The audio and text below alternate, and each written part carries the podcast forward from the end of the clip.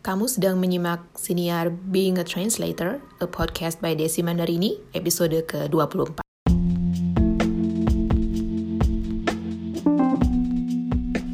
Selamat datang di podcast Being a Translator. Nama saya Desi Mandarini, saya adalah penerjemah dan juru bahasa lepas untuk pasangan bahasa Inggris Indonesia.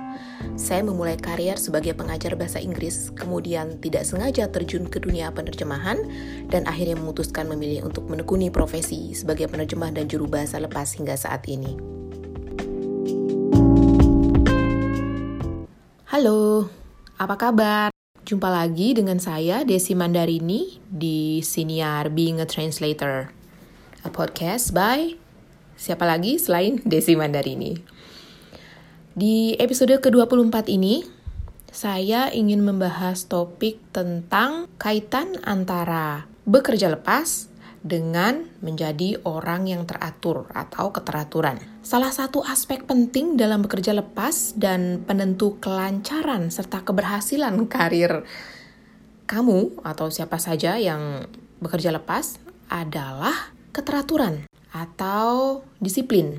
Nah, apa sih kaitannya antara bekerja lepas dengan menjadi orang yang well organized atau teratur? Sependek pengetahuan saya sebagai seorang penerjemah lepas ya, selama berkarir sekitar kurang lebih 9 tahun sekarang sebagai pekerja lepas, saya sudah merasakan sendiri manfaat dari menjadi orang yang disiplin dan teratur dalam segala hal. Ini sangat penting dan terkait erat dengan profesi saya. Mengapa? Pertama, ini sangat membantu dalam saya bekerja. Alur kerja saya sangat terbantu kalau saya sudah mengetahui apa-apa saja yang harus saya lakukan. Saya sudah punya jadwal tentang apa saja yang harus saya kerjakan dan semua hal di sekitar saya yang terkait dengan pekerjaan saya itu tertata dengan rapi alias teratur. Ini sangat penting bagi saya. Saya sudah buktikan sendiri. Pekerja lepas kan bekerja sendiri tuh. Semua harus saya kerjakan sendiri. Kalau kamu juga penerjemah lepas ya, kamu pasti tahu rasanya ya. Kamu harus melakukan filing sendiri. Kamu harus taat pada aturanmu atau mematuhi jadwalmu ketika harus mengirim tagihan ke klien.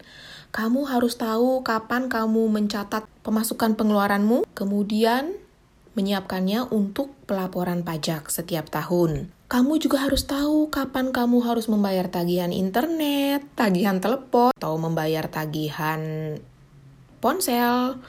Kemudian kapan kamu harus menyisihkan uangmu untuk menabung dan investasi untuk hari tua, ya, untuk berjaga-jaga ketika ada kejadian yang tidak terduga. Nah, semua itu bisa terlaksana dengan baik kalau kamu sebagai pekerja lepas, kalau kamu punya jadwal dan menjalankannya dengan teratur. Apa saja ya semua hal sebagai pekerja lepas, setiap hari mau tidak mau kamu pasti bekerja di meja kerja kan.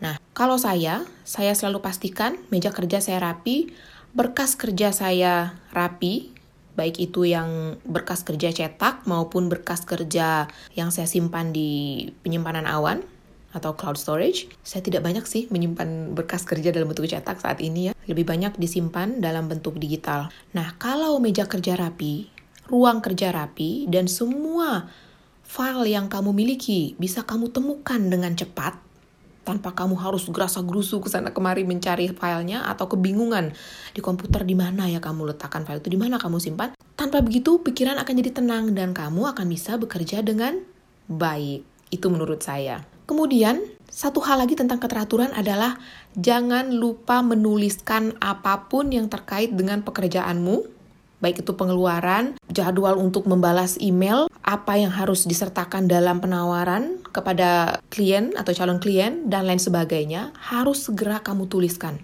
Apa pun itu. Jangan berpikir, ehm, tadi saya mengeluarkan sekian ribu rupiah untuk bayar internet misalnya. Atau saat tadi saya mengeluarkan sekian ribu rupiah untuk ongkos taksi bertemu dengan klien misalnya. Ah nanti saja. Nanti saja saya masukkan ke dalam catatan pengeluaran. Karena saya pasti ingat kok besok saya pasti ingat. Nah jangan pernah mengandalkan pikiran kamu. Jangan pernah mengandalkan otak kamu karena otak kamu isinya sudah terlalu banyak. Kalau kamu tidak tulis segera apa yang kamu kerjakan apa yang kamu lakukan apa yang harus kamu tulis segera pasti kamu lupa Percaya deh, ini sudah pernah terbukti pada saya ya. Jadi saya sarankan tulis, tulis dan tulis apa pun segera, apa pun yang memang harus harus perlu kamu ingat. Kemudian pastikan juga kamu punya jadwal agar pekerjaanmu dan kehidupan pribadimu itu bisa berjalan dengan teratur. Meskipun nih misalnya dalam uh, minggu depan misalnya kamu tidak memiliki terlalu banyak pekerjaan, jadwalmu agak lowong, pastikan kamu tetap menuliskan atau uh, mencatat di kalendermu apa saja yang harus kamu lakukan minggu depan. Jadi kamu punya gambaran, oh, waktu luang yang akan saya miliki minggu depan sekian-sekian, apa yang bisa saya kerjakan dalam waktu sekian? Apakah saya ingin melakukan kegiatan pemasaran atau saya ingin membereskan file saya atau saya ingin mencatat semua invoice yang sudah saya kirimkan atau mengecek mana saja yang belum dibayar oleh klien. Nah, itu wajib kamu miliki, wajib kamu lakukan ya.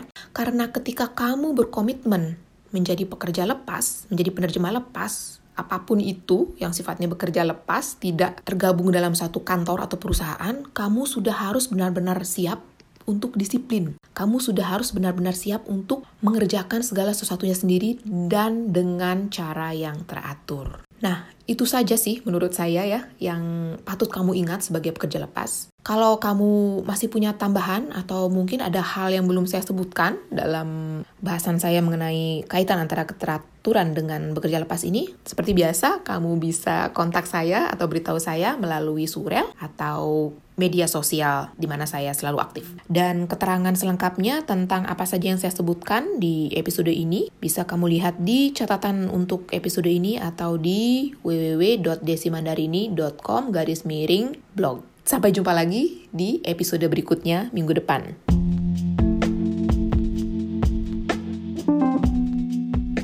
Kalau kamu suka podcast ini, jangan lupa bagikan di media sosial kamu dan beri ulasan. Saya juga menulis tentang pengalaman dan tips seputar penerjemahan dan freelancing di blog saya di www.desimandarini.com. Kirimkan pertanyaan, komentar, dan masukan kamu ke alamat email hello at desimandarini.com atau ke Twitter di DF Mandarini. Tertarik untuk menjalani karier sebagai penerjemah lepas? Atau sekadar ingin tahu lebih banyak tentang keseharian penerjemah dan juru bahasa saat bekerja? Ikuti Instagram saya di Desi Mandarini. Sampai jumpa di episode berikutnya dan salam sukses! thank you